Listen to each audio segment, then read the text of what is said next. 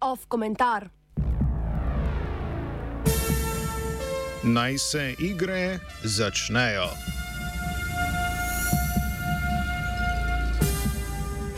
Četrtega februarja so se začele 24. zimske olimpijske igre. Te bo organizirala edina država, ki je v času COVID-19 take igre najverjetneje sploh sposobna izvesti - Kitajska. Peking bo tako prvo mesto v olimpijski zgodovini, ki bo gostilo tako letne kot zimske igre.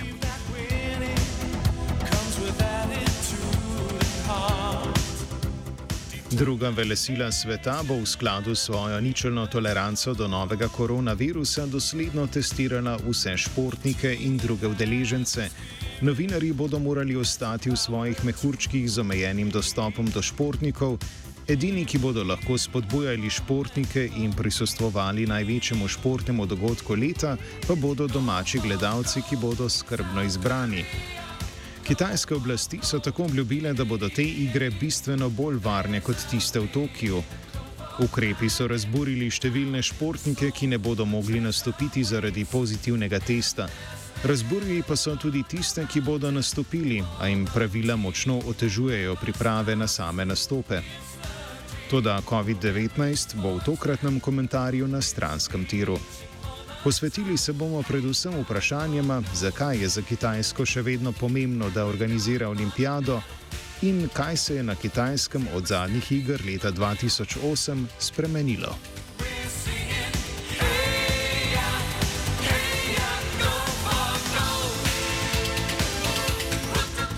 Poletne olimpijske igre pred 14 leti so bile za državo, ki se je več desetletij odpirala zunanjemu svetu, kronski dogodek, ki je bodočo velesilo predstavil celotnemu svetu.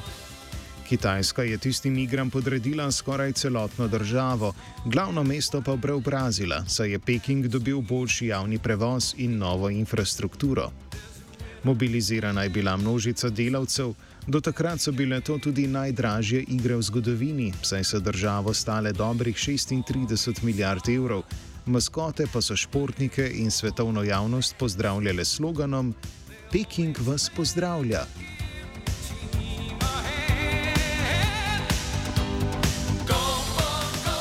Letošnje igre bodo zrcalna slika tega, kar so bile tiste prve. Če je Kitajska leta 2008 kazala znake odprtosti in je izkazovala željo po sprejetju zahodnih vrednot, igre pa so bile temu primerno tudi bombastične in maksimalistične, se je situacija v zadnjih letih popolnoma obrnila. Letošnja inačica bo seveda spet do dobra zarezala v podobo države, saj bosta tema predvsem trajnost in zelena energija.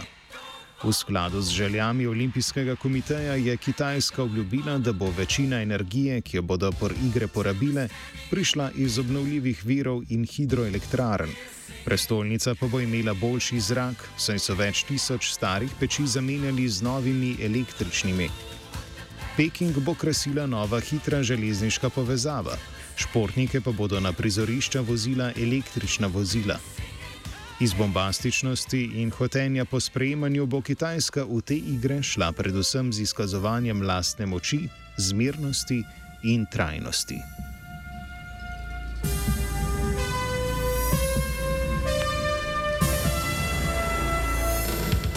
Olimpijske igre bo Kitajska tudi izrabila, da svojim državljanom pokaže, kaj vse je dosegla v kratkem času. Za mednarodno skupnost pa bodo letošnje olimpijske igre dokaz, da Kitajska s svojim nadaljnim geopolitičnim udejstvovanjem misli resno. Zahodnim državam bo Kitajska pokazala, česa je sposobna. Državam v razvoju bo dokazala, da je inicijativa En pas, ena pot več ali manj edina strateška odločitev, ki jo morajo sprejeti, če hočejo vstopiti v boljšo prihodnost. Če so bile prve igre igre sprejemanja, so te igre igre dokazovanja.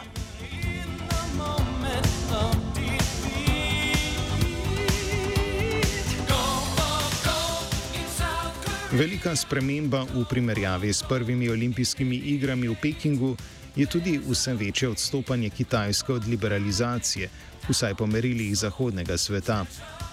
Če se je v senci igr leta 2008 dogajalo zatiranje protestov v Tibetu, je Kitajska zaradi zatiranja muslimanske manjšine Ujgurov v provinci Xinjiang, omejevanja demokracije v Hongkongu in prikrivanja spolnih zlorab v vrhovih komunistične partije pred večjim političnim izzivom.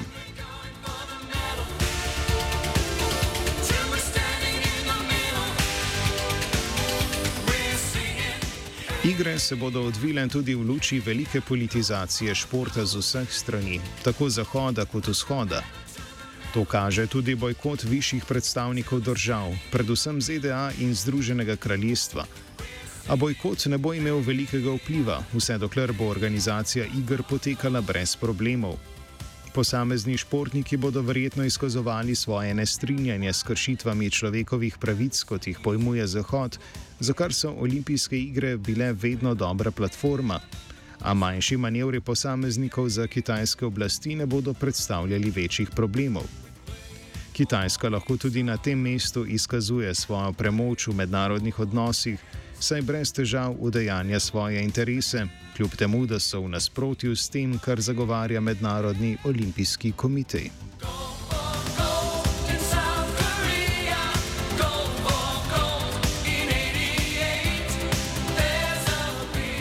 A Mednarodni olimpijski komitej je svoje izročilo, ki sloni na treh stebrih - odličnosti, prijateljstvu in spoštovanju, že davno prodal za večje, dražje in donosnejše olimpijske igre in tako je bilo tudi tokrat.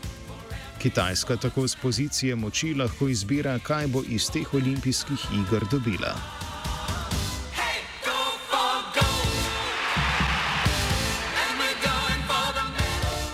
Država gostiteljica bo tako pridobila vse dobre strani, ki jih igre gostitelju nudijo. Sloves in odobravanje tujine zaradi organizacije. Ne bo pa je potrebno v državo sprejeti vrlin, kot so odprtost, enakost, razumevanje in medsebojno spoštovanje, ki jih v osnovi povezujemo z olimpijskimi igrami.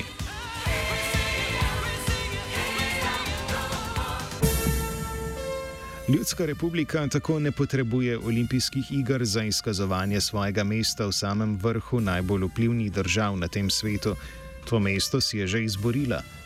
Olimpijske igre bo tako izrabila, da bo še enkrat več dokazala, da medtem ko druge vele sile, predvsem ZDA, še vedno iščejo odgovore na novi koronavirus in slabo politično klimo, lahko Kitajska sama organizira ogromen in zahteven dogodek brez večjih problemov.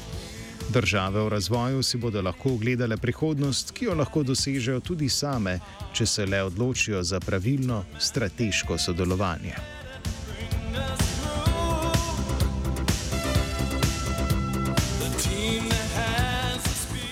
Naj se igre začnejo. Komentar je podal Premrl.